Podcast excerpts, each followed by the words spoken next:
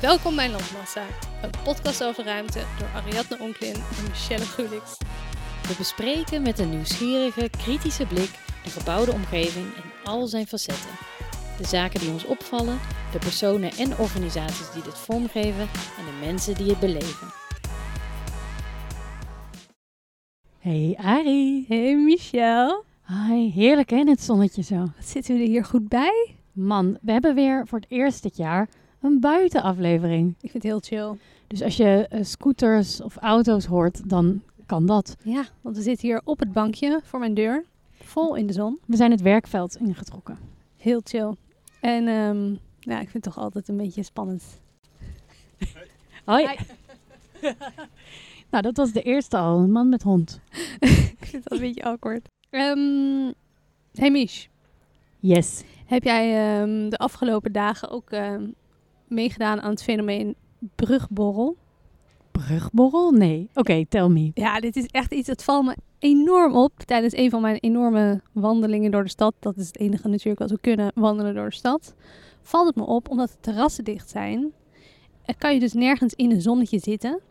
En je hebt natuurlijk, de zon staat toch niet heel hoog. Dus gaan mensen allemaal met elkaar op een brug staan en borrelen. Oh, Echt? wauw. Alle bru- va- echt serieus. Rondom, zeg maar zeggen, de Jordaan. De westkant van de grachten. En gisteren bij de Magenbrug. Mensen staan daar echt in groepjes gezellig te borrelen. En je hebt op die brug natuurlijk zon altijd. Nou, het klopt wel, want je hebt natuurlijk heel vaak op de hoek van zo'n brug eh, heb je een kroegje zitten. Precies. Dus ik weet, je hebt volgens mij het paard of zo in, eh, in de Jordaan. Hoe heet Ja. die tent? Daar staan inderdaad wel vaak mensen eh, precies op dat hoekje. Ja, lekker in het zonnetje. Ja. Ik heb het de naam brugborrel gegeven. Very good. Ik hoop dat dit, zeg maar zeggen, viral gaat. Ja. Nou, ik ben echt groot promotor van de, de bierwandeling. Oh. Wandelen met bier. Van, van nachtwinkeltje naar nachtwinkeltje. Nachtwinkeltjes. Maar hoezo nachtwinkels? zijn nou- Nou, dan kun je steeds een koud biertje halen. Oh. Snap je? Dus niet bij een kroeg, maar gewoon bij zo'n raar, waag winkeltje. En dan begin je om vijf uur, want om acht uur stopt de verkoop van alcohol, toch? Ja, precies. En dan eh, kun je een paar lekkere borrels doen. Dan kan je op de brug en daarna lallend het bed in. Ja. Ik vind het een heel goed idee. Echt top. En, en wat heb je nog meer uitgespookt? Afgelopen vrijdag heb ik echt een mega, mega, mega leuke dag gehad. Want tegenwoordig ben ik freelancer. En ik was aan het werk voor onze oude stek Arkham, het architectuurcentrum in Amsterdam. Heel chill. Want ik ga het juryrapport schrijven voor de Amsterdamse architectuurprijs, de AAP. Heel cool. Mag je dat dan zelf bedenken, het jury? Of was je gewoon, moest je meedoen met nee, de jury? Nee, ik ging, eh, nou dat was het leuke. Ik mocht gewoon mee op pad met de jury. Ik hoefde er niks van te vinden, maar ik kon gewoon lekker meekijken. Dus ik heb tien verschillende gebouwen, nieuwe eh, gebouwen in Amsterdam gezien.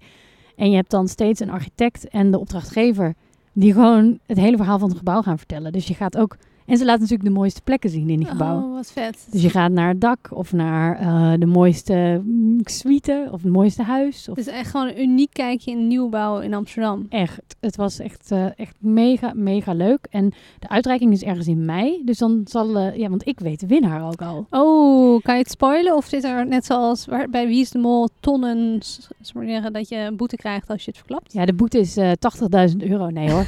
maar eh, de boete is eh eeuwige boete doen, denk ik. Ja. Bij Arkham. Dus eh, nee, het wordt eh, En je hebt ze Eh, nog nodig als freelancer. zeker weten. Nee, maar het was echt eh, zo onwijs leuk. En eh, nou ja, ik zal jullie op de hoogte houden van eh, wanneer de uitreiking is. En, eh, en dan zul je zien wie er heeft gewonnen. en dan kunnen we het juryrapport geschreven door jou allemaal teruglezen. Exactement. I love it.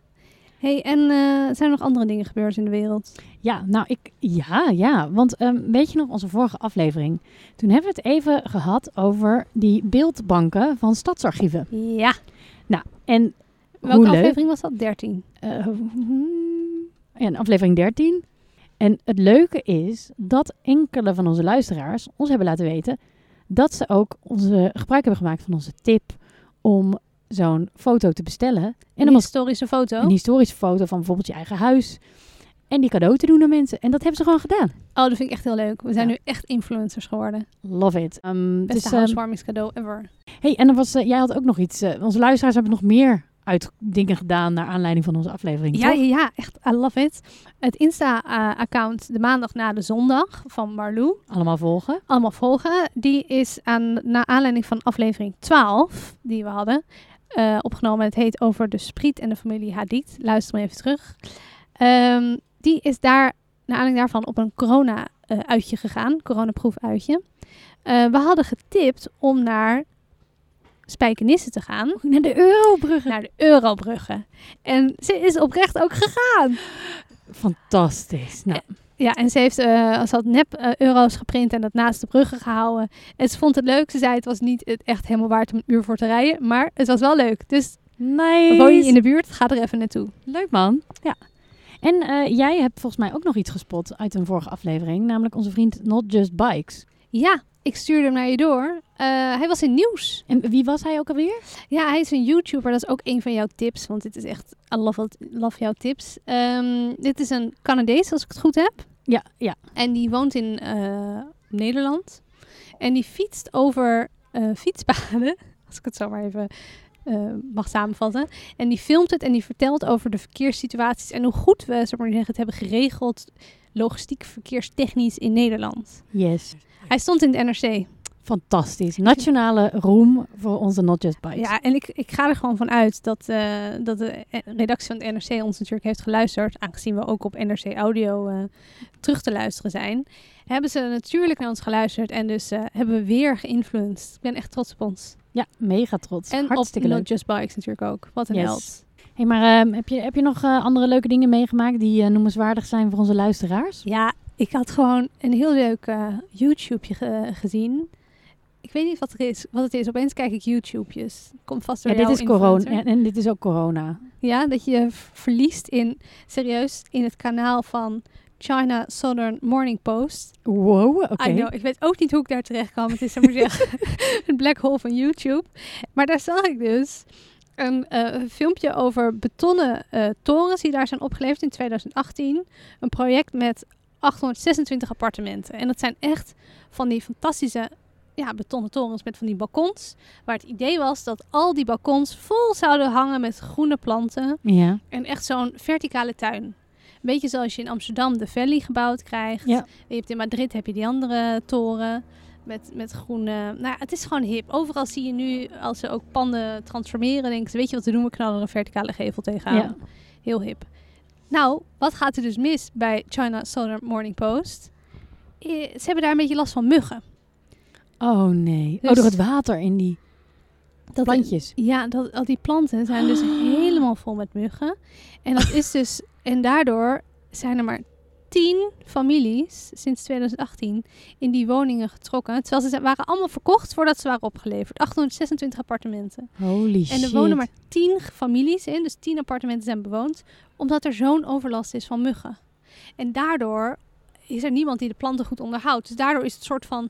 eh, weet je nog Jumanji, die film van vroeger? De Ja. oude, oude versie, dat ze maar zeggen dat het hele huis vol was met planten.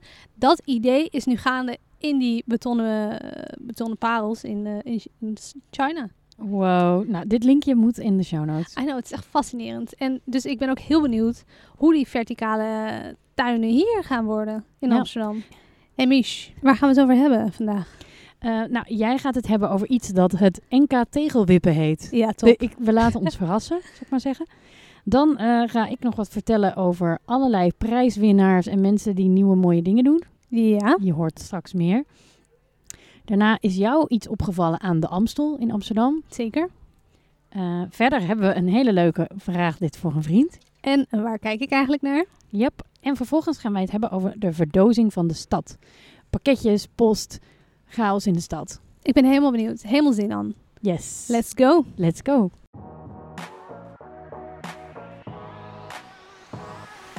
Ah, hey Ari. Yes. Het NK tegelwippen klinkt als iets heel dubieus. Beetje dirty, hè? Ja, een beetje dirty. Vertel ons alles over dit NK. Ik vond het echt fantastisch. Het is dat ik geabonneerd ben op ongeveer elke nieuwsbrief dat dit voorbij kwam. Maar verder vond ik het nog erg weinig in het nieuws. Dus daarom dacht ik, ik deel het ook even in de podcast, omdat het nog steeds actueel is. Het NK Tegelwippen, gewoon die naam, I love it, Ja. ehm, is eh, begin april van start gegaan. Toen minister Cora van Nieuwenhuizen, zij is van infra- infrastructuur en waterstaat, het startschot gaf. Ehm, samen met bekendste tv-tuinman Lodewijk Hoekstra. Ja. Ja! Nou, wil je dat startschot terugkijken? Dat kan. Ik zet het even in de show notes. Ziet er grappig uit. Wat is nou het NK tegelwibben, vraag jij natuurlijk af. Yep. Het doel is om tegels uit de stoep te halen. Zoveel mogelijk tegels uit de straat te wippen eigenlijk. Maar op uit de die manier. straat of je eigen... Of je tuin, je geveltuin, maar ook eh, boomspiegels. Gewoon gemeenten moeten gewoon minder tegels hebben. Want is dat dan heel slecht? Of, eh, Ja, ja, want het vervangen ehm, of het weghalen van tegels en dat dan vervangen door groen, dat zal bijdragen aan ehm, het voorkomen van wateroverlast. Ehm, dus dat regenwater blijft nu, kijk hier naar deze stoep. Als het hier regent, wordt het hier natuurlijk gewoon één groot waterballet. Maar als dat een grasveld is of iets anders groens met plantjes en zo, dan is dat beter. Dan ehm, nou, gaat het lekker de grond in. Maar ook om eh, koelte te bieden in tijden van hitte water vast te houden bij droogte en leefruimte voor planten en dieren te vergroten. En het beste argument, vind ik, van de organisatie is: het draagt bij aan de gemoedstoestand. Meer groen. nou, ja, zo, dat klopt natuurlijk. Dat klopt natuurlijk. Ja. Ja. Nou, ik, eh, het grappige is, ik ga er denk ik aan meedoen. Ga je tegels wippen? Nou, ik heb ehm, een paar van die klimplantjes gekocht. En dan moet ik dus echt een aantal tegels wippen uit mijn tuin. Dus ik zal foto's maken en die gaan dan, eh, die gaan dan op de Insta. Vind ik heel goed. En je moet dus meedoen. eh, aan, je moet het even melden bij de, bij de organisatie van NK Tegelwippen. Want deze ludieke actie, die wordt georganiseerd door de Week van, het Groen, van de Groene Tuin, is dus echt een zeer serieuze strijd. Vorig jaar was de eerste editie en was het een wedstrijd Ajax tegen Feyenoord. Serieus. De gemeente Amsterdam En- tegen de gemeente Rotterdam. En wie won? Ja, Rotterdam. Oh. Ai, Oh, dus, nou dit jaar dus- ga ik meedoen. ja, dus, ik- nu kunnen we winnen als Amsterdammers. Kom op, zeg. Ehm, maar hoe kan je meedoen? Jij gaat je tuin eh, wippen. Ja, ja. je tuin wippen. I love it. Ehm, dan ga je naar de website nk-tegelwippen.nl. En dan ehm, kan je het aantal tegels wat je hebt gewipt eh, daar opgeven. En dan de gemeente die het meeste tegels per inwoner wipt, wint. Mega leuk. I know. En ik al, heb heel veel maar- gemeenten doen ja. mee nu. Ik heb maar acht tegels of zo om te wippen. Maar toch, een Een klein, beetje. zelf. een klein beetje te helpen, echt hoor. En het is nu dit jaar, ehm, de wedstrijd is vergroot. Dus ehm, het is niet enkel meer Ajax tegen Feyenoord. Maar ik geloof dat eh, PSV, en, ik, weet, ik weet niks van voetbal. Dus al die voetbal, Nak en Willem II zullen wel meedoen. eh, al- ja, ik, dat gewoon 40 gemeentes doen mee. Mega leuk. Dus Echt eh, mega ook leuk. Utrecht en dergelijke. Doe, doe tegels wippen, geef het op op nktegelwippen.nl. En wie weet wint jouw gemeente de gouden tegel. Nou, dat wil ik wel. Dat wil je. En je kan dus ook een publieksprijs winnen. Echt voor wat? Voor... Ja, als jij dus, huppakee, foto's maakt van wat je wipt, dit wipt, dan kan je dus de publieksprijs winnen. Dus jouw Oh. bijdrage is essentieel. Wat leuk. Leuk hè? Jongens, wip die tegels. Wip die tegels.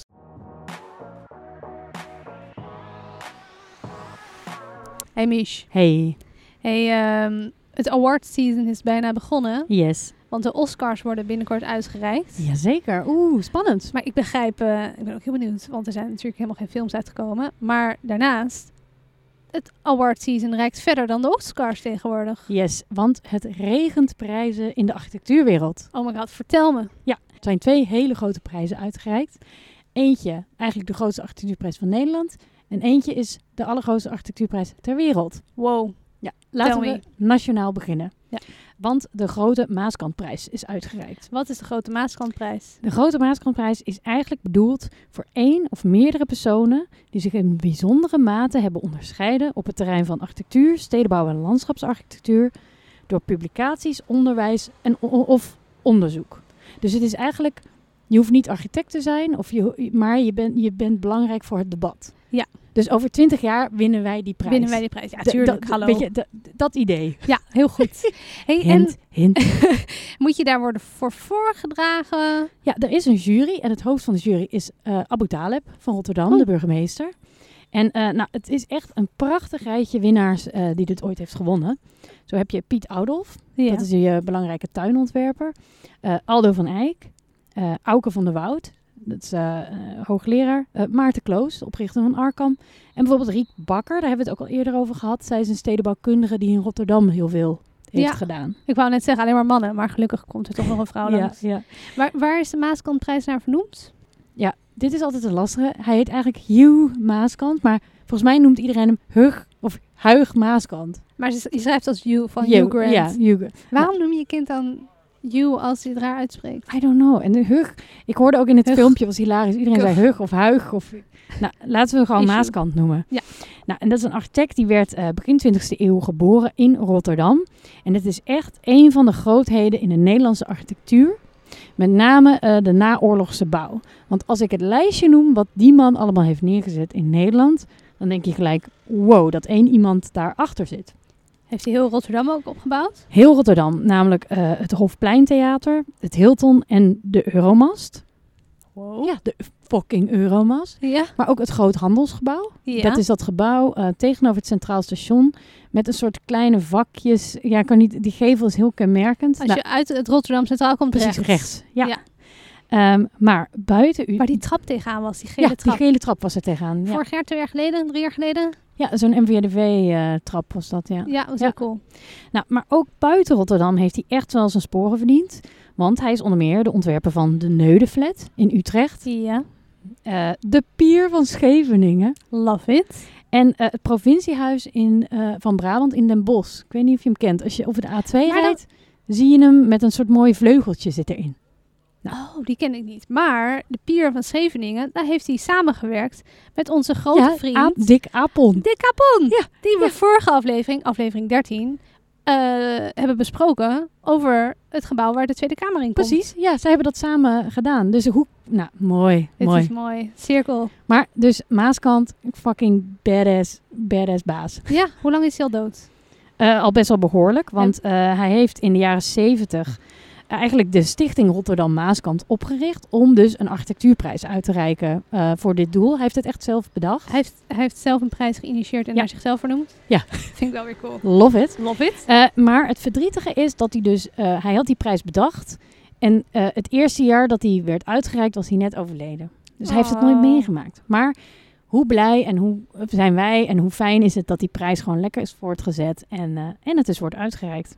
Wie heeft hem ontvangen? Nou, dit jaar is die fantastische grote Maaskantprijs toegekend aan Michelle Provoost. Ja, Yes. van Nou, het Inti. ja, van het INTI. Dat is het. Nou ja, jij kent ze goed. International Newtown Institute En of wat- zoiets. Weet jij, Ja. wat doen ze precies?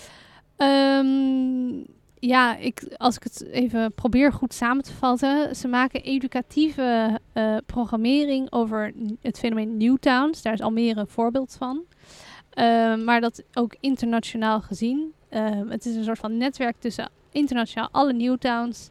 En ze doen het, zullen we maar zeggen, educatief voor de leek. Maar ze proberen ook, zullen we maar zeggen, de experts verder te informeren en te educa- edu- se- educeren. Edu Te onderwijzen. te onderwijzen. Maar ehm, ja, en da- daar heeft ze dus eigenlijk ook die eh, prijs voor gekregen. Want de jury noemde ook dat ze heel erg haar als verbinder zien op het gebied van architectuur. Want ze is eh, architectuurhistoricus. Ja. En ze gebruikt eigenlijk ook de achtergrond van gebouwen om dat eh, feitelijk goed eh, te onderbouwen. Waarom het belangrijk is, waarom het bijzonder is. En probeert verschillende partijen aan elkaar te binden om nou ja, nieuwe plannen een beetje op een goede manier eh, in de stad te laten landen. ja, heldin. Dus dat is heel tof. En ze zit in Rotterdam. Ja, en, en het grappigste aan deze uitreiking is, zij is wereldwijd, staat zij bekend als de kenner van Maaskant, van de architect. Oh, dat vind ik leuk. Ja, zij heeft echt het standaardwerk over hem, geschre- om, over hem geschreven. Heel cool. Nou, Cool, dat hè? vind ik leuk. Wanneer krijgt ze hem uitgereikt? Eh, ze heeft een pas gekregen. Eh, dus je kunt eh, online, dat zullen we linken in de show notes. eh, je kunt een filmpje zien waarin de jury vertelt waarom ze heeft gewonnen.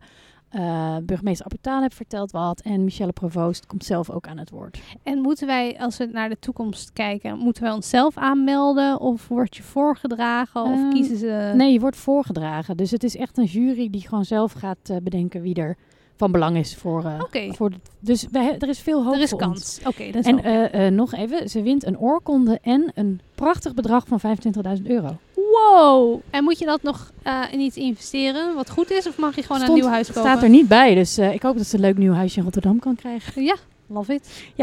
Nou, dat, eh, eh, dat, dat was dus onze nationale prijs, de Maaskantprijs. Maar internationaal is ook een topprijs uitgereikt, namelijk de Pritzker Prize. Wat is de Pritzker Prize? Nou, de Pritzker Prize is eh, de grootste architectuurprijs in de wereld. En eh, de v- Pritzker is vernoemd naar een v- hele rijke familie die een passie had voor architectuur.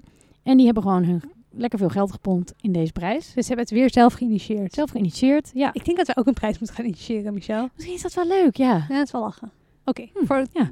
goed Nou, betaald. ehm, eh, en de winnaar, kijk, eh, ons Michel Provoost, die eh, kon genieten van 25.000 euro in de pocket. Mhm. Maar die winnaar van de Pritzker, die kan 100.000 euro in zijn achterzak steken. Ai, ai, ai, heerlijk. Dus dat is een lekker, be- lekker bedragje. Nou, eerdere winnaars van de Pritzker Prize. Nou, eh, wie heeft hem niet gewonnen? Dat is toch gewoon de Nobelprijs voor de De architectuur? Nobelprijs voor de architectuur. Dus eh, onze vriend van de show, Rem Koolhaas, heeft hem gewonnen. Eh, vriendin van de show, Zaha Hadid, heeft hem gewonnen. Ehm, eh, Aravena, die ook de Biennale een keer heeft gecureerd. Nou, de, de, de list goes on. Eigenlijk iedereen die ertoe doet in de architectuur, Heeft die prijs gewonnen. heeft die prijs gewonnen. Ja. Cool. Nou, en dit jaar was eigenlijk best wel een mooie, bijzondere winnaar. Vertel. Want het is het bureau Lacaton en Vazal. En dat zijn twee Franse architecten, een stelletje, cute. Ja. Anne Lacaton en Jean-Philippe Vazal. En ehm, nou, ze hebben een bureau dat ongeveer al 30 jaar aan het werk is. Eh, in Frankrijk, vanuit Parijs werken ze. En ehm, zij zijn eigenlijk hele bescheiden architecten. Dus zij zijn eh, eigenlijk niet, niet eens zo heel zichtbaar. Het zijn geen, ehm, hoe noem je dat? Het is geen Starchitect. het is geen Starkitects, nee. Het is geen Zahadit alien die, eh, die wordt gebouwd. Maar zij zijn juist heel erg goed in het behouden van bestaande architectuur. En daar een nieuw laagje aan toevoegen om het beter te maken voor de toekomst. En dan focussen ze zich vooral op de banlieues, toch? Ja, precies. Want zij hebben dus een heel cool eh, ja, idee bedacht. Wat eigenlijk zo simpel is dat je denkt, waarom doet niet iedereen dit? Ehm, Vertel. wat ze doen is dat je ehm, nou ja, van die ja- grote jaren 70 flats, inderdaad, de banlieues, eh, je ziet het wel voor je. Dat zijn vaak woningen die eigenlijk niet zoveel kwaliteiten hebben, omdat ze snel zijn gebouwd en eh, heel goedkoop gebouwd moesten worden.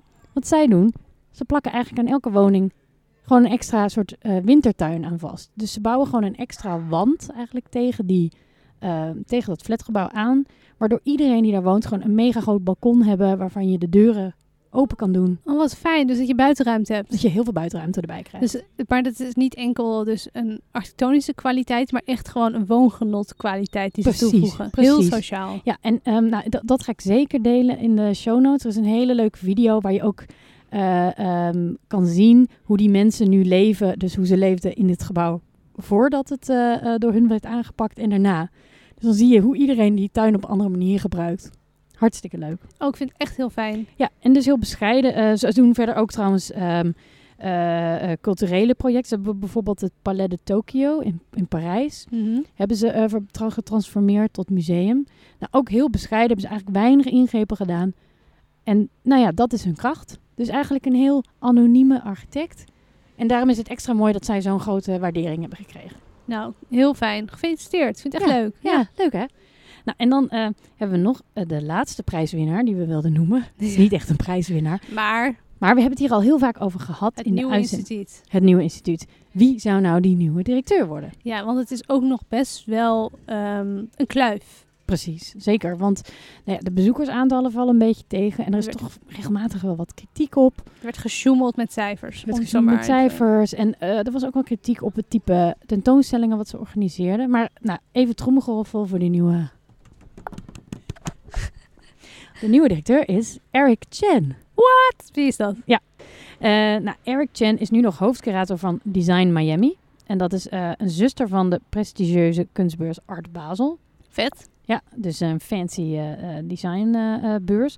eh, maar hij is daarnaast ook professor van design en innovation aan een universiteit in Shanghai. Nice. En eh, eh, hij was eh, ach- eh, sorry, curator architectuur en design van M+.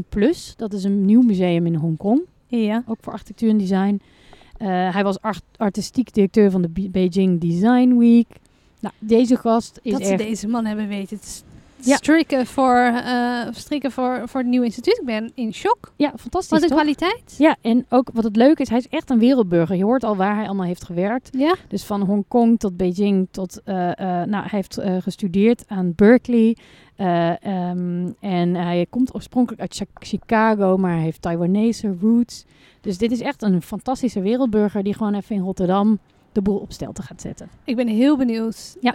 Ehm, ik heb hoge verwachtingen nu wel. Ja, ik ook. En ik ben er heel blij mee, want ehm, hij, hij wil ook heel erg werken aan dus, eh, de publieke waardering eh, en het verbreden van de doelgroep. Dus het net wat toegankelijker maken is de verwachting. En ehm, Heel nice. Wanneer begint hij? Eh, Oeh, goede vraag. Eh, Binnenkort. Binnenkort.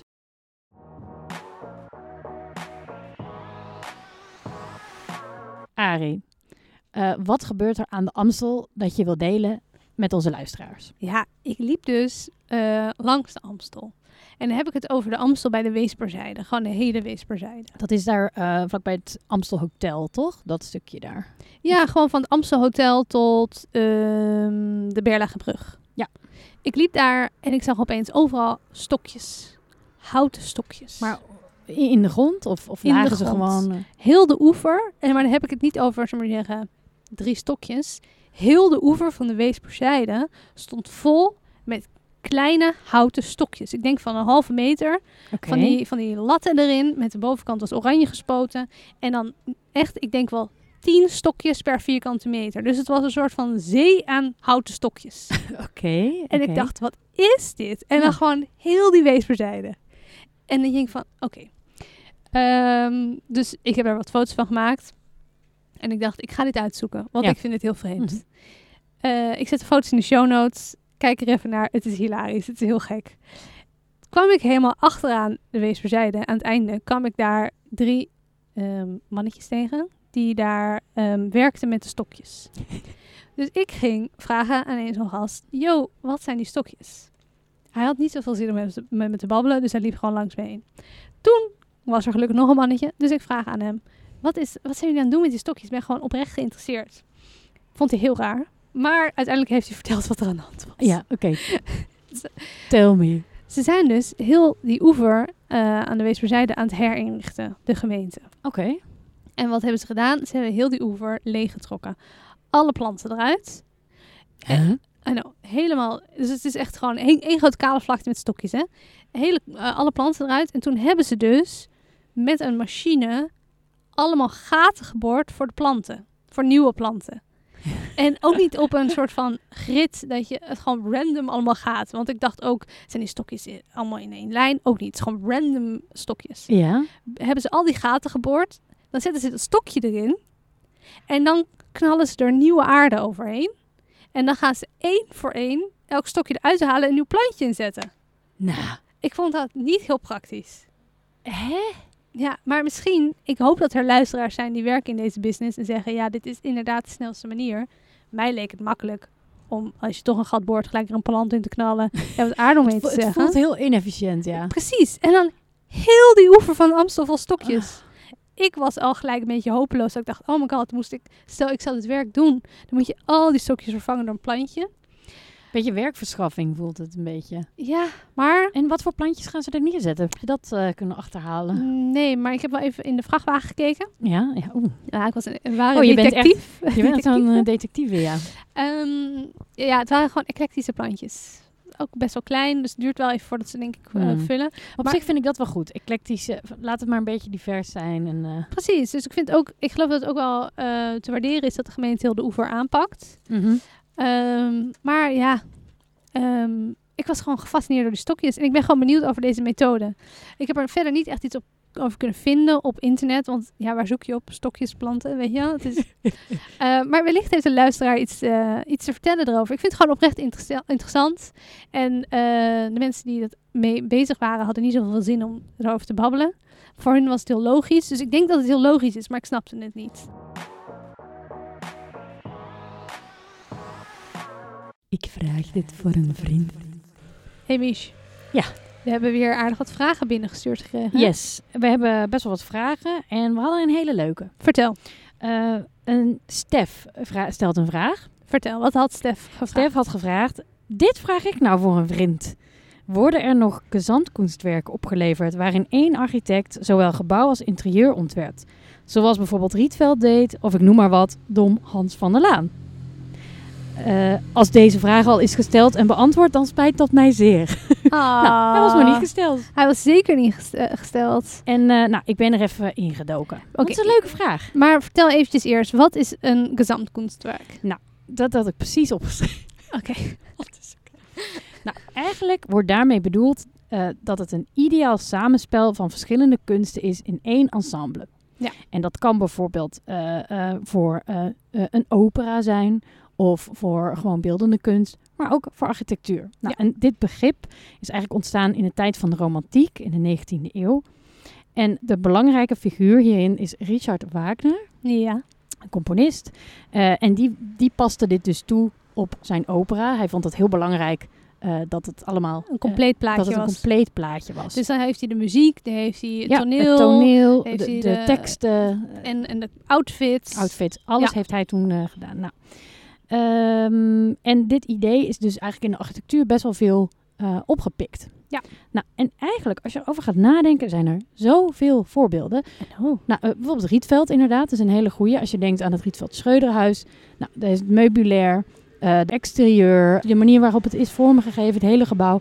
Allemaal door één persoon geregisseerd. En je hebt ook voorbeelden van de Amsterdamse school die Gazant Ja. ja. Kunstwerk gedaan. Nou, en perso- bijvoorbeeld de beurs van Berlage is ook een Ja. goed voorbeeld. Daarin heeft eh, Berlage samengewerkt met allerlei kunstenaars. eh, zoals Jan Torop, die daar muurschilderingen heeft gemaakt. Het is meer dat hij het echt regisseerde. Dus hij stuurde al die verschillende kunstenaars aan. Dus Alles in uiteindelijk één stijl te in krijgen. één stijl. Net De- zoals de Basel. de Basel. Ja, ja. Ja. Bijvoorbeeld in de Art Nouveau was het, kwam het ook heel vaak voor. Denk aan, eh, ehm, ik weet niet of je wel eens in de, het Hortahuis bent geweest in Brussel. Maar daar gaat het echt van de trapleuningen tot de kastjes, tot de muurschilderingen, tot de architectuur. Allemaal van die Horta. Deurknoppen, Deurknoppen. Ehm, kapstokken. Ja. en iets verder in de tijd had je bijvoorbeeld het Bauhaus. En dat was ook een hele filosofie. ehm, dat alle vormgevingsdisciplines samen zouden werken om samen een soort perfecte gebouwen te vormgeven. Ja, heerlijke filosofie. Ja. Maar gebeurt het nu nog steeds dan? Nou, ehm, heel veel architecten ehm, doen ook vormgeving van heel veel meubels bijvoorbeeld. Ja. En design. Nou, daar heb ik een aantal hilarische voorbeelden van gevonden. wat dan? Gewoon, eh, eh, nou, om maar even. Frank Gehry heeft fantastische deurklinken ontworpen voor het merk Valley Valley. Oh, laf Dus je kunt gewoon, als jij in een Frank Gehry woont, kun jij gewoon de deurklinkjes ook van hem erbij krijgen. Maar dan heeft hij, zeg maar zeggen, niet Dit ook is los. interi- Ja, oké. Ja, dus dit dan moet je is- zelf het interieur dus erbij bedenken. Dit zijn even wat leuke losse voorbeelden. Want Oké. dat komt gewoon heel erg vaak voor. Nou, ehm, je kunt een toilet en een bidet van Liebeskind eh, bestellen. Daniel Liebeskind. Ja. Waar kennen we hem van? Eh, ja, van het eh, Joods Historisch Museum In, in in Berlijn. Berlijn. En het, eh, in Eh, New York. Ja, het, he- De herinneringsplek. het Holocaust... Of nee, Eh, Nee. sorry, de Memorial van 9-11, toch? Precies. Ja. En het namenmonument wat hij nu eh, gaat Ja. opleveren. Hij is echt Nou ja, een big, big amazing. boy. Ja. Eh, Peter Stoemtor, eh Zwitserse architect, heeft een leuk pe- zout- en peperstel voor Alessi gemaakt. Eh, je kunt van David Ajay, een hele hippe Britse architect, kun je zijn geluidsspeaker bestellen. Nou, de list goes on and on. Architecten vinden het helemaal te gek om voor merken iets vorm te geven. Maar dat zijn natuurlijk niet eh, dat, het, dat het in één is Compleet. vormgegeven. En ook, want wat we eerder hadden bij die gezamtkunstwerken, is natuurlijk dat het specifiek voor één plek is ontworpen. Ja. Nou, maar wie doet dat nou heel vaak? Wel, dat was Zaha Hadid, Ah, onze vriendin Zaha. vriendin van de Ehm, show. sowieso ging zij helemaal los met productontwerp. Ik zal je even een lijstje eh, geven. Vertel, vertel. Dit zegt, ze heeft een set koffiekopjes en schoteltjes. Ze heeft eh, specifieke Adidas eh, ontwerpen gemaakt. Ze heeft hakken ontworpen. eh hakschoenen, zeg maar. Daar hebben wij eh, nog de prijs op vazen. gewonnen. Ja, De Amsterdamse architectuurprijs klopt. hebben we op die hakker gewonnen. Ja, ja, ja. eh, een kraan, stoelen, eh, behangpapier, armbandjes. Nou, de, de- gaat helemaal. Dus eigenlijk is het heel. eh, zij is dus best wel een aantal keer gevraagd door opdrachtgevers om gewoon een heel iets te ontwerpen. Dus Een compleet gebouw- plaatje. compleet plaatje. Nou, en een mooi voorbeeld heb ik voor jullie even verzameld. Dat is bijvoorbeeld de Roca Gallery in Londen. En dat is echt, nou, als je het plaatje, die gaan we delen. Als je daarnaar kijkt, denk je, wow, wat voor spaceship ben ik nu beland. Dat is een soort ja, galerie waarin dus de muren lopen over in de wanden. De toonbankjes zijn helemaal een soort spaceship. En dat loopt allemaal in elkaar over. De lampen zijn custom made. Wat heerlijk. Het is gewoon één heel, hele, eh, eh, een heel avontuur. Maar dat is ook best wel, ehm, denk ik, als je rustgevend, als je het als geheel ontwerpt, dan eh, draagt het ook echt bij aan de architectonische ervaring, denk ik. Zeker. Ik ben wel fan van gezamtkunstwerken. Zeker. Alleen het probleem daarbij is dus, en het komt dus wel voor, maar alleen bij bijvoorbeeld een hele chique galerie of een hele chique winkel. Ja. Bijvoorbeeld, ik dacht ook gelijk, de Shoebaloos, eh, die ken je die kledingzaak, die Ja, ja. schoenenzaak, dat is natuurlijk ook helemaal, eh, weet je, daar loopt alles in elkaar over en helemaal in één stijl. Dat je binnenkomt en denkt, wow, het is een hele experience. Ja. Wat je ervoor nodig hebt, is gewoon heel erg veel geld. Ja. Want als jij alles custom-made wil laten ontwerpen, nou, trek je beurs maar open. Dan moet je even zo'n Pritzkerprijs winnen. Ja.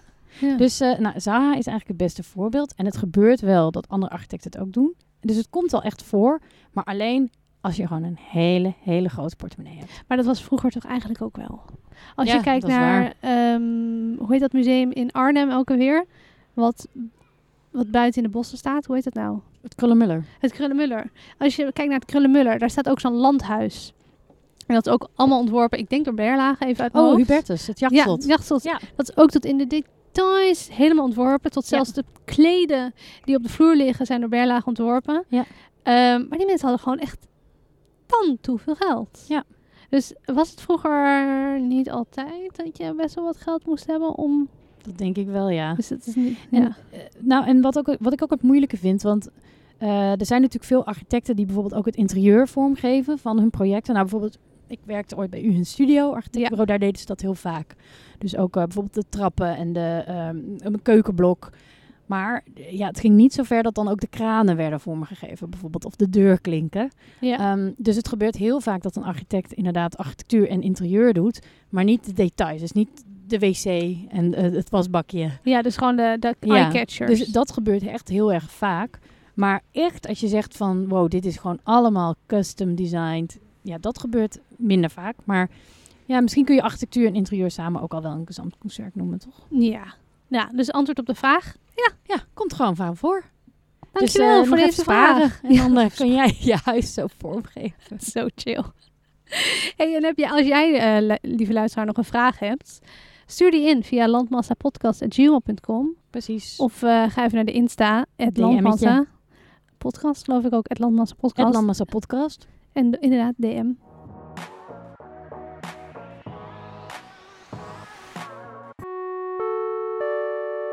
Hey, waar kijk ik naar? Ja, ja. Ding, Ding dong. dong. Waar gaan we het over hebben, Mich? Ja, eh, waar kijk ik eigenlijk naar? Ehm, Ja, we Kijk. zitten altijd bovenop de actualiteiten. Mensen, waar kijk ik eigenlijk naar? Precies. Het, is, het gaat altijd over een gebouw dat f- druk in het nieuws is geweest. En eh, dit keer is dat het Songfestival. Woehoe! Ehm, ja, dit jaar vindt het Songfestival plaats in Rotterdam. Ja, Eh, eigenlijk hadden we eh, vorig jaar al moeten organiseren. Maar ja, hey, corona, dus het ging allemaal niet door. En onze grote vriend Duncan Lawrence had namelijk gewonnen. En dus win je dus dat je het Songfestival mag organiseren. Ik geloof voor het eerst in 40 jaar dat we hem weer mogen organiseren, toch? Eh, ja, ja, is echt al heel lang geleden. Ja, ik ben en, echt helemaal enthousiast. en Wij het- zijn fans. en het was toen ook een hele strijd, weet ik nog, te welke stad mag het doen. Het was Maastricht en I Amsterdam en know. eh, nou ja, Rotterdam dus. Had- ja, al- de rij. Die zit hier om de hoek. Hoe chill als daar was. Oh, had ik echt. gewoon naartoe kunnen kruipen. Maar ja, ehm, wij hebben dus eh, niet gewonnen als Amsterdam. Maar Rotterdam mag hem organiseren. Ahoy. En even voor de mensen die zijn vergeten. Wanneer is het ook weer?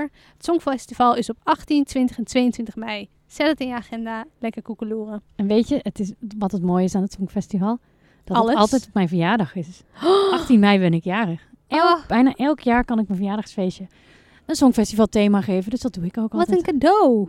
Oh, wat leuk. Ja, hè? Ehm, ja, ik ben echt fan van het Songfestival. En ik ook. eventjes voor even een tweetje met de luisteraars natuurlijk. Even een side, eh, side note. Toen vorig jaar het Songfestival niet doorging, toen werden we wel getrakteerd van, door Netflix op de film Eurovision. Oh man, was heeft- echt leuk. Heeft wel een gat gevuld in mijn hart, gelukkig. Ja, en de liedjes waren ook echt... Het was heel knap gedaan, want het waren echt Songfestival liedjes. Ja, ze hebben mensen die de liedjes schrijven normaal voor het Songfestival ingehuurd voor die Zo film. briljant. Ik was vooral fan van Volcano Man. ja, het is zo chill. Echt, oh, al die, ik heb hem laatst opnieuw gekeken. Ik denk dat ik hem wel acht keer heb gezien, die film. Ja. Echt slecht. Heerlijk. Ehm, nou, waar vindt het Songfestival plaats? In Rotterdam, in Ahoy. Ahoy! Ahoy. Ahoy. En dus ga- dachten we, waar kijk ik eigenlijk naar? Ahoy. Nou, wat is Ahoy? Ahoy is een locatie voor beurzen, sportevenementen of evenementen, concerten, congressen en vergaderingen in Rotterdam. Yes. Nou, even goed samengevat. Het ligt in eh, Rotterdam-Zuid en het is dus een van de grootste evenementenhallen van Nederland. Nou, eh, ik dacht, wat ga ik vertellen over Ahoy? Het lijkt gewoon een beetje een saaie kubus natuurlijk. Mhm.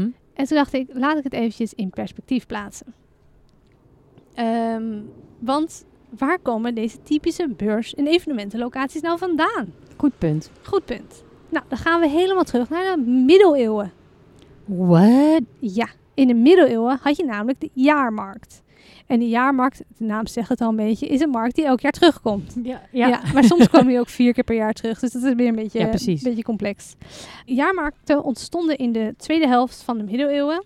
Vanaf ongeveer 1150. En ehm, toen groeide namelijk de Europese bevolking. En dat leidde tot de opkomst van steden en later ook staten. En in de 12e eeuw kreeg de kerk het recht om jaarmarkten te organiseren De kerk. de kerk. En de, toen organiseerden ze dat, duurde ongeveer drie weken steeds per jaarmarkt. En daarnaast, naast dat, zullen we maar zeggen, dat de kerk natuurlijk ook een onderwerp was, eh, organiseerden ze ook kermissen erbij. Love it. Puur voor het entertainment. entertainment. En de opbrengsten van dat soort jaarmarkten bleken super gunstig voor de economie van steden. Ah, ja, natuurlijk. Ja, Ja, als je komt kijkt veel naar de- publiek. Als je hem naar nu trekt, Ja. als die rij ooit weer gaat draaien, heel die buurt hier draait op de... o- Op, Precies. Ja, een lunch, als jij een lunchtentje hebt of een hotel, ehm, ja, dan kun je gebruik maken van al die bezoekers natuurlijk. Precies. Nou, de piek eh, van jaarmarkten vond plaats in de periode 1200 tot 1300. En toen ehm, het vond al plaats in of nabij grote steden. Maar ook dus langs grote rivieren of gewoon plekken waar mensen goed elkaar konden verzamelen. Ja. En steeds meer lokale en regionale machthebbers zagen in dat het dus heel slimme handel was om zo'n jaarmarkt te organiseren. En ehm, ja, het leverde gewoon heel veel geld op. Het was gewoon een heel gemêleerd publiek. Dus koopmensen uit de wijde omtrek, internationale handelaren en mensen uit de regio die inderdaad stoffen, wijn of wat soort dingen wilden kopen. ja. En dan ging je naar dure spijzerijen kijken. Weet je, wel, net zoals dat mensen naar eh, de huishoudbeurs gaat, gaan, snap je? Gewoon kijken naar, oh, dit is een nieuwe frituurpan. Ja, ja, vet. En maar dat je hem niet koopt. Maar dat soort kijkers, dat was er natuurlijk toen ook. Dat is gewoon puur entertainment ook. Het was dus gewoon echt een happening. Zien, gezien worden, entertainment, vaak in combinatie dus met een kermis. En dan moet je die ontwikkeling van de jaarmarkt even wat verder doortrekken in de geschiedenis. Naar de opkomst van de wereldtentoonstelling. Ja. Nou, de wereldtentoonstelling is een 19e-eeuwse uitvinding.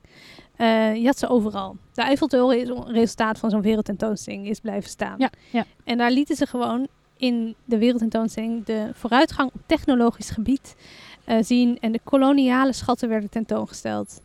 Ja.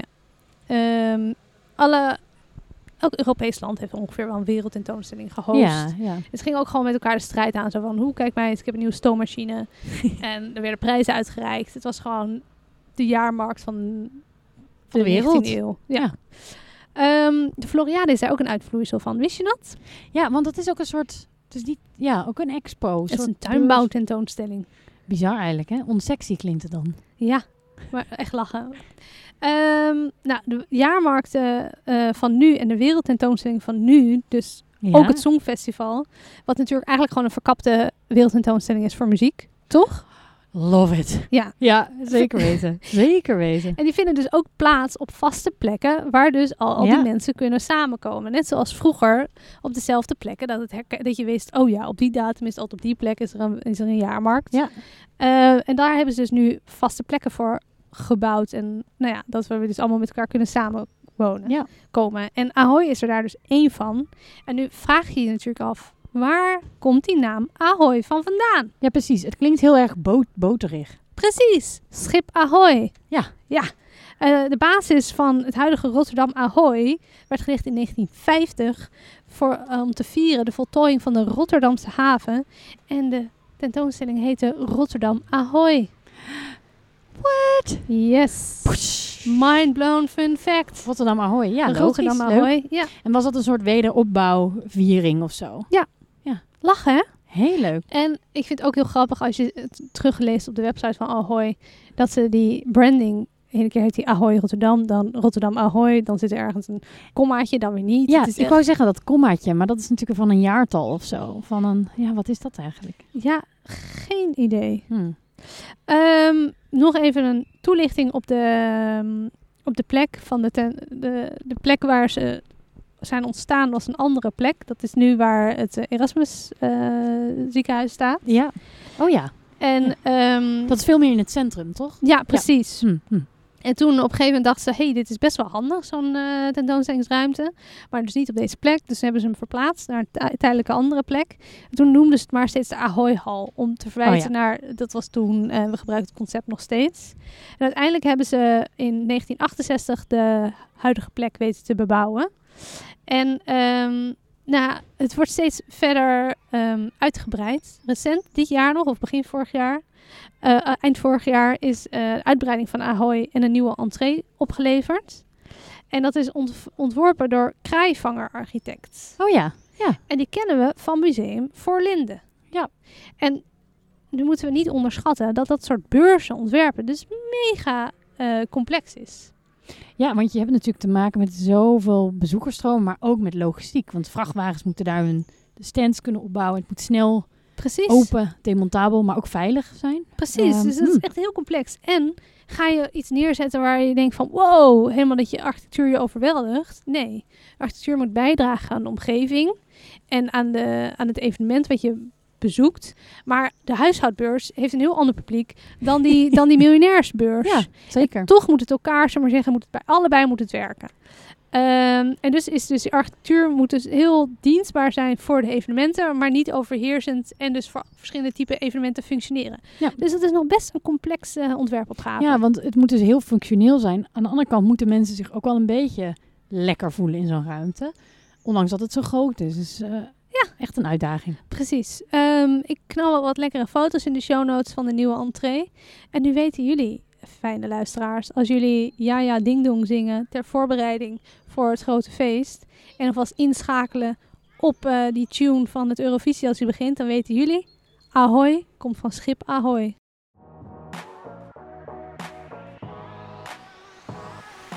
Hey Mish, Hey, Arie. we gaan het weer hebben over dozen. hè? Ja, want we hebben het een, een paar afleveringen geleden hebben we het gehad over de verdozing van het platteland. Ja. En vandaag? Dan gaan we het hebben over dozen in de stad. Yes. Want, nou ja, dit is wel een fenomeen wat iedereen kent inmiddels. Weet je hoeveel pakketjes er per dag worden bezorgd in Nederland? Vertel, vertel. 600.000. Holy moly. Ja, Dat is veel. 600.000. Dat is echt heel veel. Ja, want ehm, eerder was het natuurlijk al veel, maar corona heeft het natuurlijk een enorme push gegeven, dat hele online. We eh, moeten wel. Want ehm, en winkels die verwachten dus ook dat die hele trend van het online shoppen nog veel verder gaat doorzetten. Want Ja. op dit moment verkiest 1 op de 5 Nederlanders online shoppen boven fysiek shoppen. En dat is best veel, want in Wow. 2015 was het nog maar 10% van de mensen die dat eh, wilden. Dus het is verdubbeld, een soort het, eh, de waardering daarvoor. Oh. Ja. het is ook wel makkelijk, hè? Ja, ja.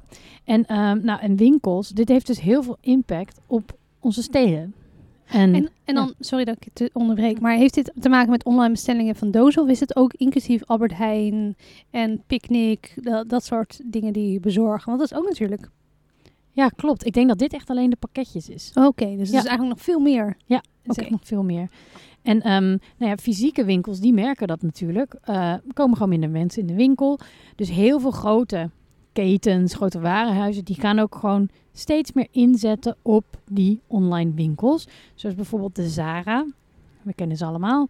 Ehm, die gaan 1 miljard dollar in hun online winkelplatform pompen. Zo. En bijvoorbeeld de H&M sluit op verschillende plekken gewoon hun winkels. eh, zoals bijvoorbeeld in de Kalverstraat. Ja.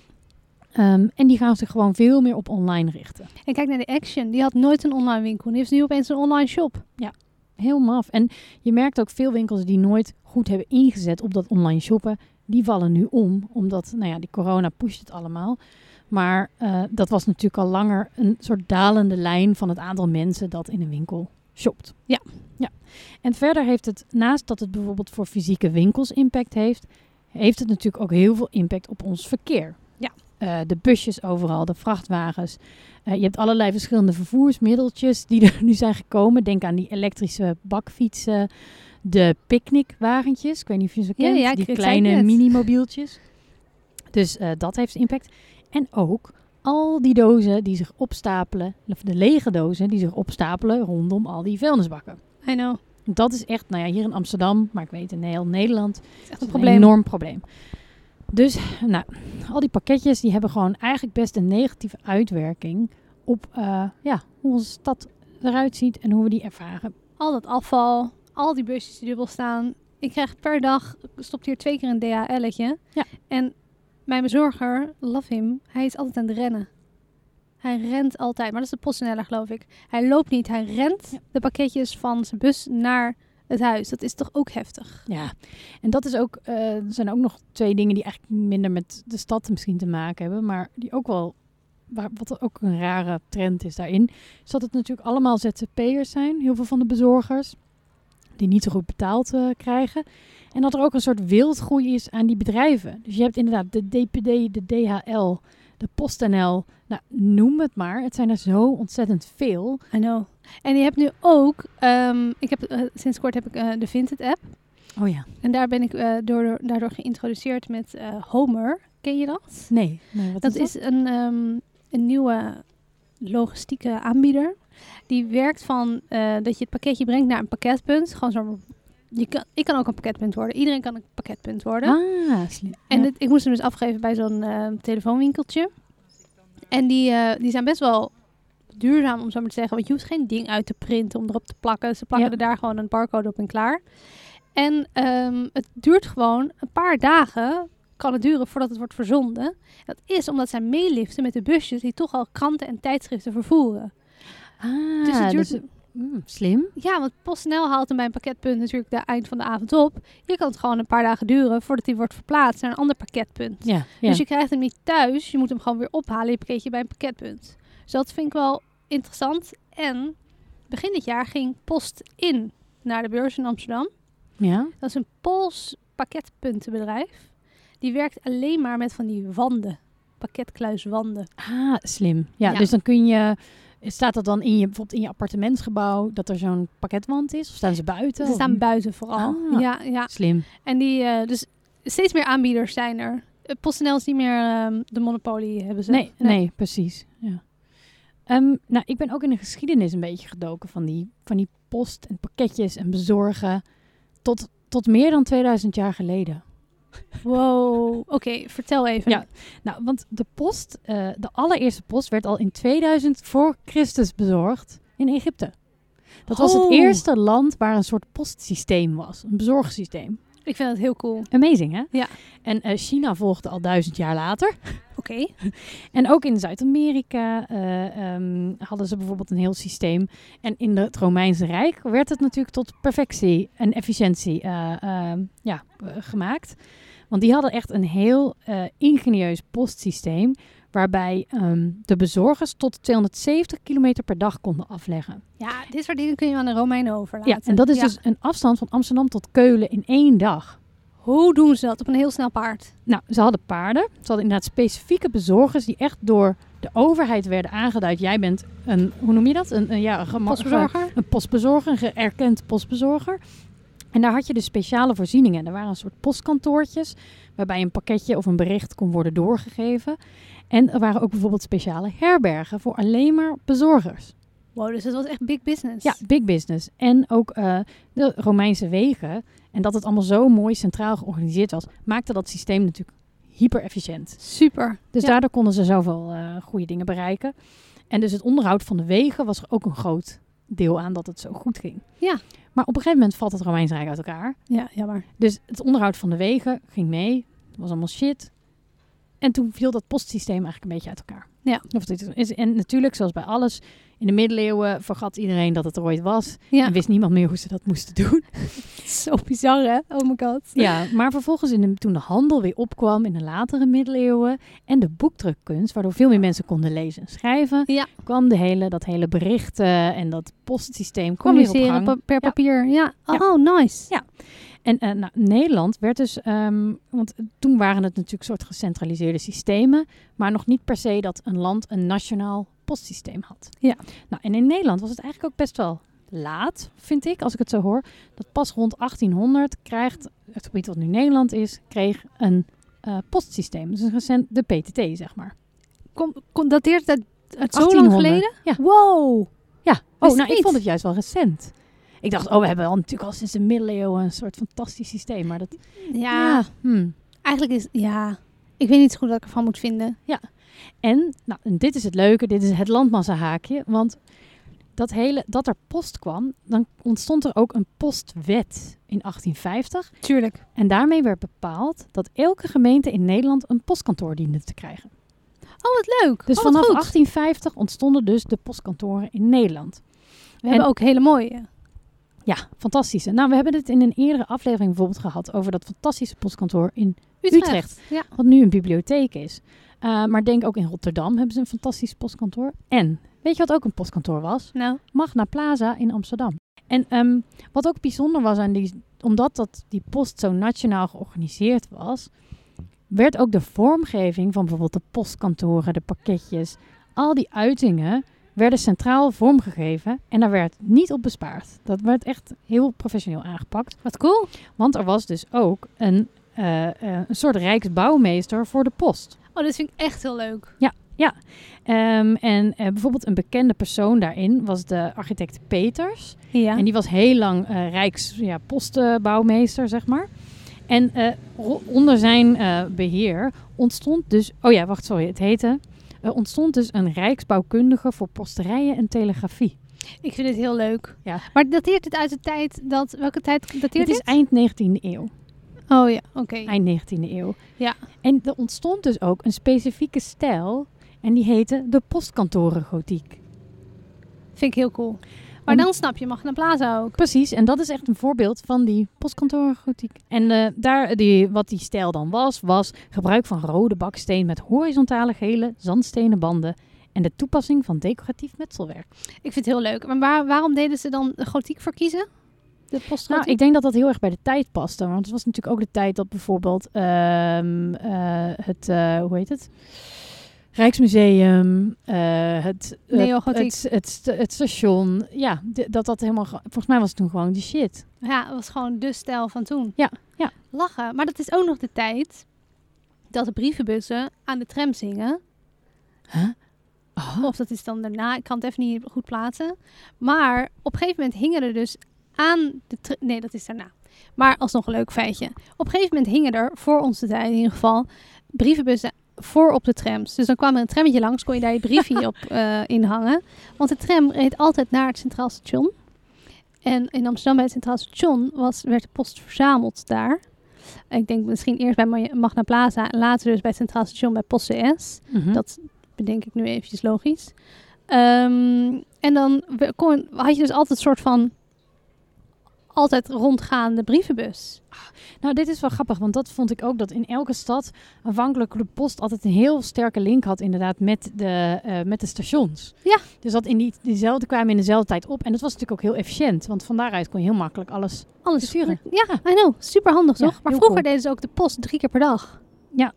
Toen eh, onze ouders klein Bizar, waren. toch? Bizar. En dan had je één postbode die dan je wijkje deed, dus dan kende je die. Niet Ja. dat er heel veel verschillende bedrijfjes waren met allemaal hun eigen bezorgers. I know. Het was gewoon ZZP'ers, eten. ja. Hoppakee.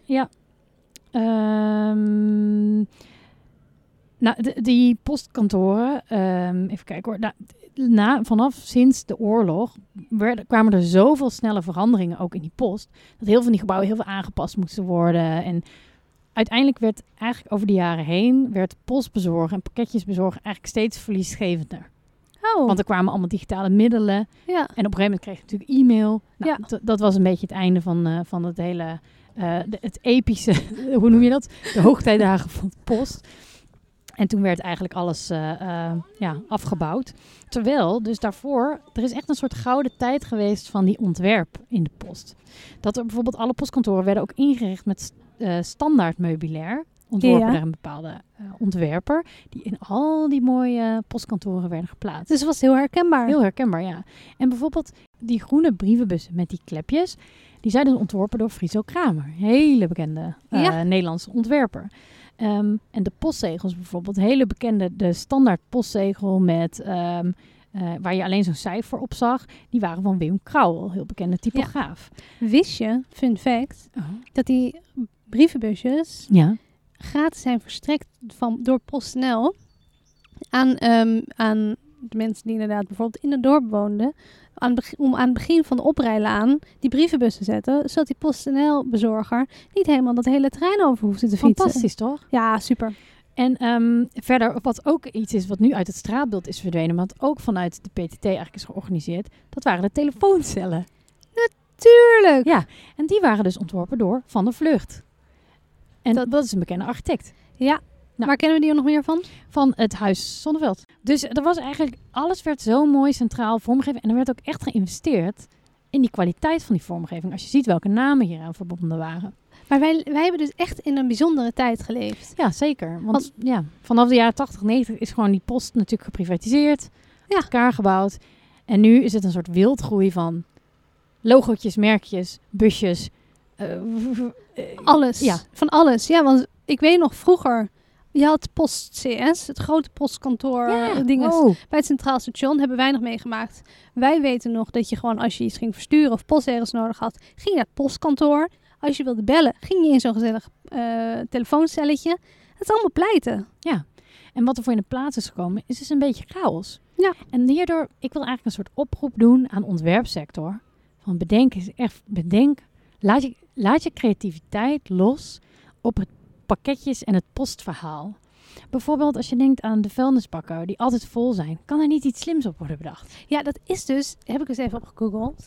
Eh, je hebt dus bij sommige ehm, papierbakken in de stad, vooral in de pijp zie je dat, hebben ze zo'n kartongleuf onderaan gemaakt. Oh. En het probleem is dus, je kunnen het gat niet groter maken, omdat mensen dan hun verkeerde afval erin knallen. Ja, men- echt, echt erg. Maar even een leuk fun fact, gewoon over dat karton. Want karton is zeker een probleem, maar het is Ja. eigenlijk gewoon een bijproduct van al onze online bestellingen. Dus Ja. eigenlijk zijn we er zelf hartstikke schuldig aan. Ja. Ehm, in Nederland gebruiken we per jaar meer dan 3,5 miljard kilo papier en karton. Dat is meer dan 200 kilo per persoon. Dat is echt heel veel. Dat is echt shocking, ja. Ehm, maar in ons land is oud papier en karton, ook wel OPK genoemd. Oh, echt? OPK? OPK, de bel- Hashtag, hashtag OPK. hashtag OPK, de belangrijkste grondstof voor de productie van nieuw papier en karton. Nou, Ah, en is dat dan alleen maar wc-papier of ook gewoon... nou ja. 75% van de grondstoffen eh, van nieuw papier Ja? dus, eh, bestaat uit OPK en 15% uit verse houtvezel. Dus ik denk ook het papier wat we hier net hebben geprint, dat het ook voor een deel gerecycled is. Maar nu komt even de mind blown. ja. Dit is echt bizar. Ook in het buitenland is de vraag naar papier en karton enorm. Een behoefte die waarschijnlijk alleen maar zal toenemen. Dat heeft onder andere te maken met de groei van de economieën van China, India en Zuidoost-Asië. Nederland exporteer- exporteert jaarlijks grote hoeveelheden OPK naar het Verre Oosten. Hè? Dus ons oud papier gaat dus weer terug naar China, waar zeg maar zeggen, al onze AliExpress pakketjes worden En dan maken ze daar nieuwe dozen van voor de AliExpress. En die komen dan weer naar hier. Oh my god. Echt hè? Wereldwijd draagt papierrecycling de zorg voor vermindering van 170 miljoen ton aan CO2-emissie per jaar. Oh. En volgens het, Damn. ehm, waar heb ik dit dan van? De FNOI, is dat een prestatie om trots op te zijn. Ja, Ik vind Ja. het ook vooral een beetje triest dat ze Ik 200 kilo per jaar aan karton gebruiken. ik per moet week. heel erg denken aan dat verhaal van die garnalenpellers. Dat garnalen in, in Zeeland worden gevangen, zeg maar, of Ja. gevist. En dan naar Turkije gaan waar ze gepeld worden. En dan weer teruggaan naar Nederland, omdat wij ze dan hier weer eten. Het is een beetje dat je denkt van, hè? Ehm, dus eigenlijk, eh, ons karton gaat gewoon weer, gaat, wordt dus ingehandeld, ons afval. Wow. Ik vond mindblown. Echt mindblown.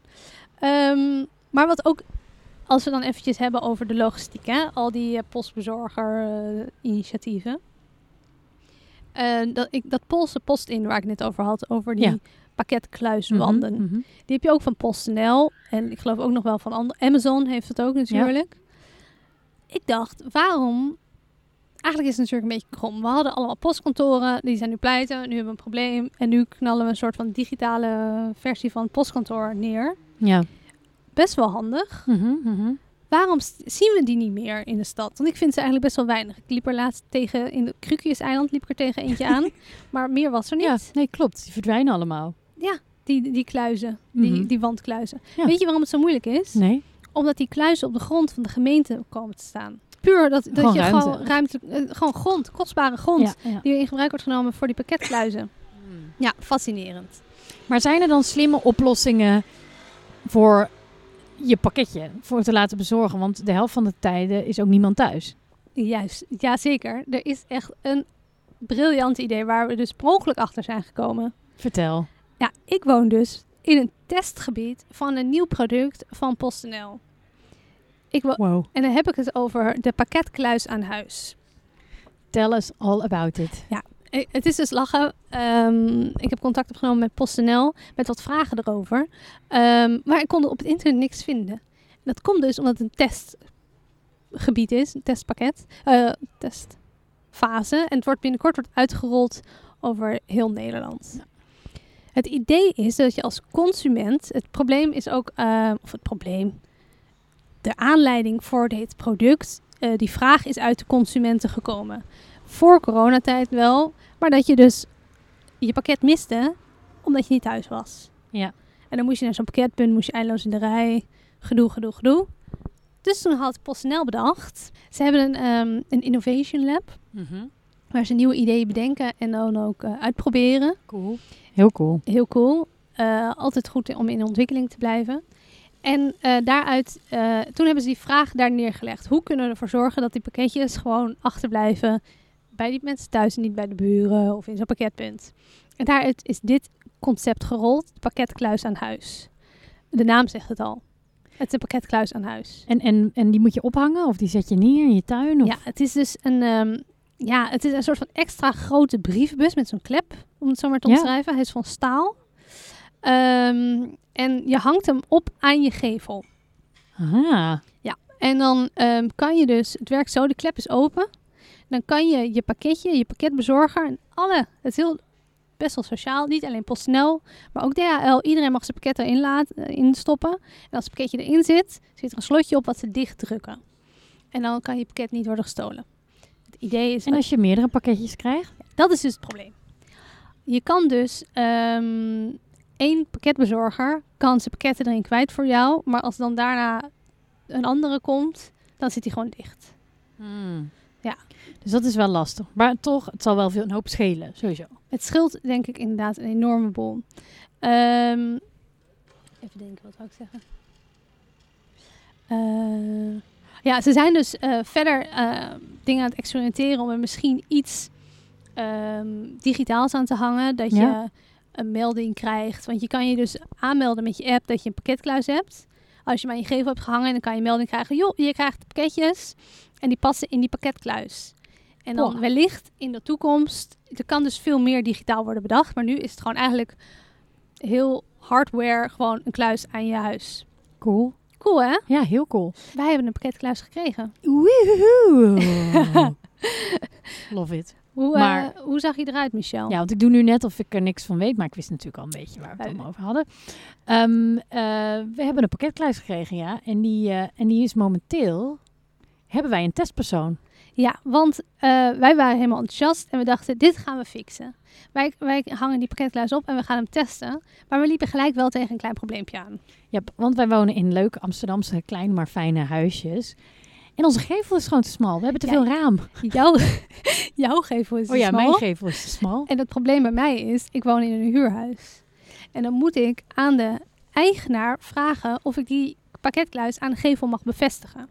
En bij een koophuis moet je het eigenlijk overleggen met de E. VVE. Ja, precies. Want dat, ja, dat zou ik ook moeten doen. Als ik hem zou ophangen, zou ik dat wel even... Juist. Want je moet wel boren in je, In je gevel. Dat maar is wel zolang je een het in je dingetje. vroege doet, kan dat, eh, is het allemaal wel ja, prima. precies.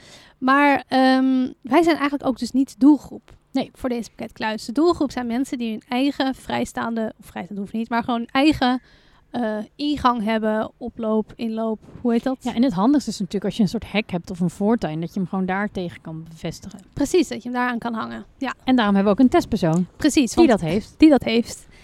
En ehm, wat leuk is om eh, te, te vertellen aan onze luisteraars, wij gaan dit proces bijhouden. Hoe bevalt deze pakketkluis?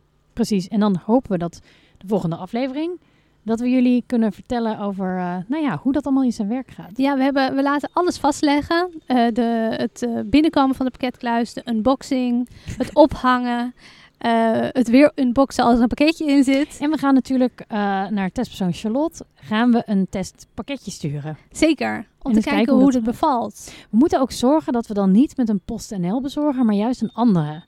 Ja, Of die snapt dat er, wat er moet. Ja, ja. Ehm, er staat wel heel duidelijk op, geloof ik, hoe het werkt. Ja. Ehm, ja, ik ben gewoon heel benieuwd hoe, hoe, hoe de ervaring is. Het lijkt mij best wel ideaal.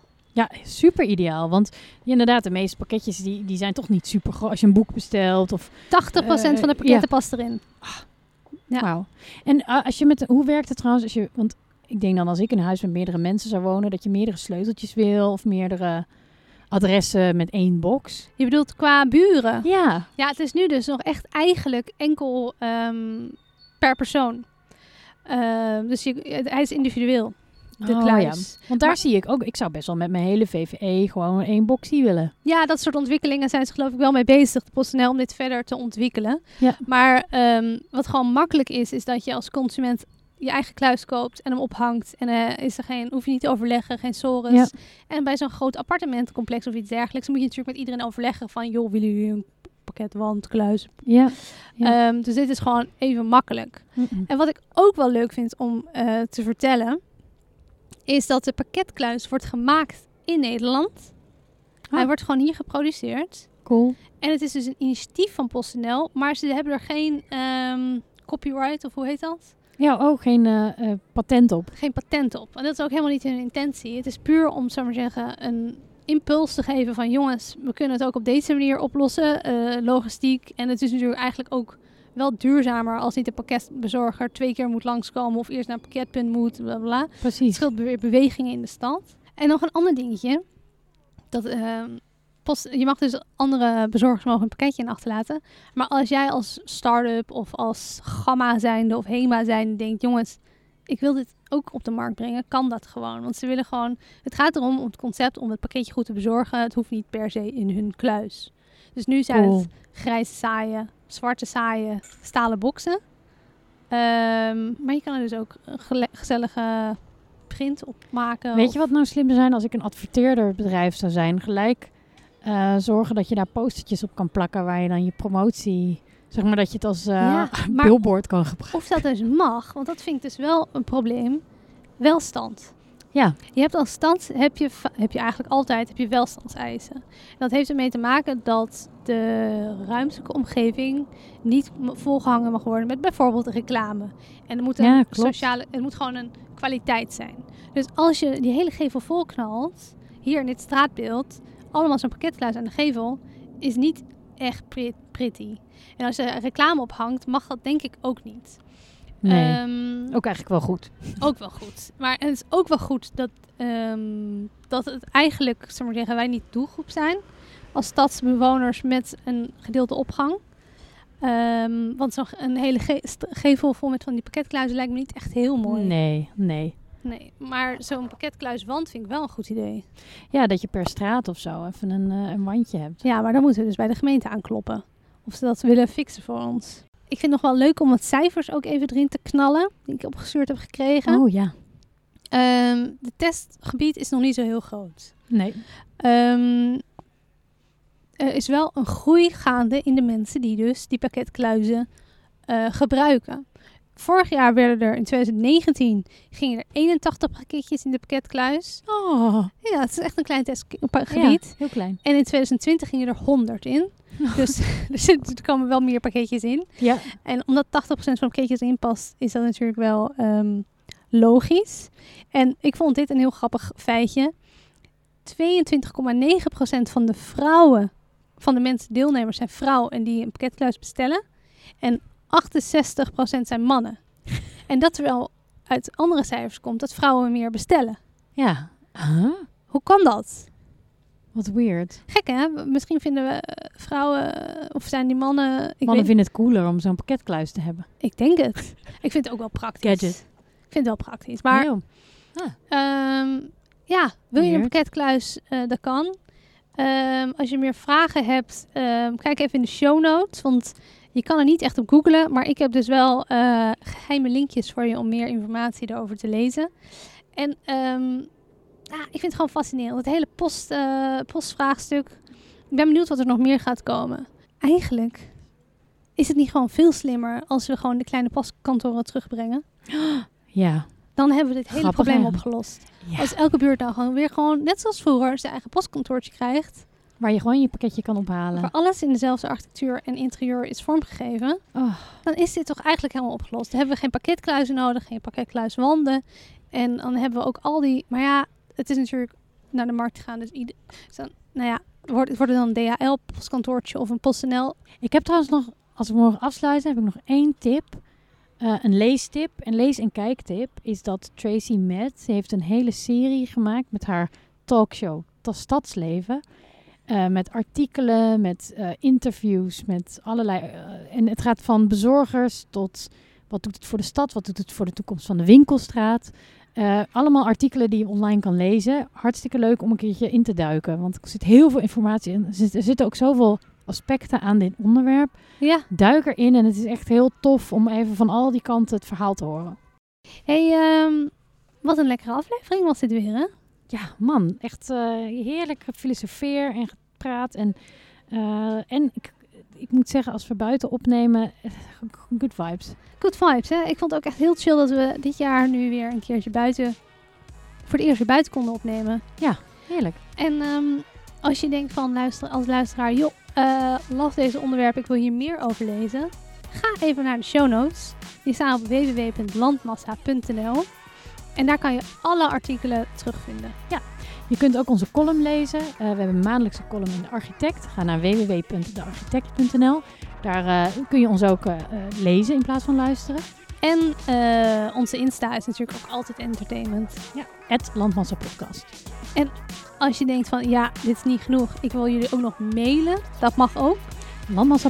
Landmassapodcast.gmail.com En verder, ehm shout-out naar jullie. Stuur je vragen in eh, de Waar Kijk ik Naars. En natuurlijk, veel plezier met het kijken naar het Songfestival.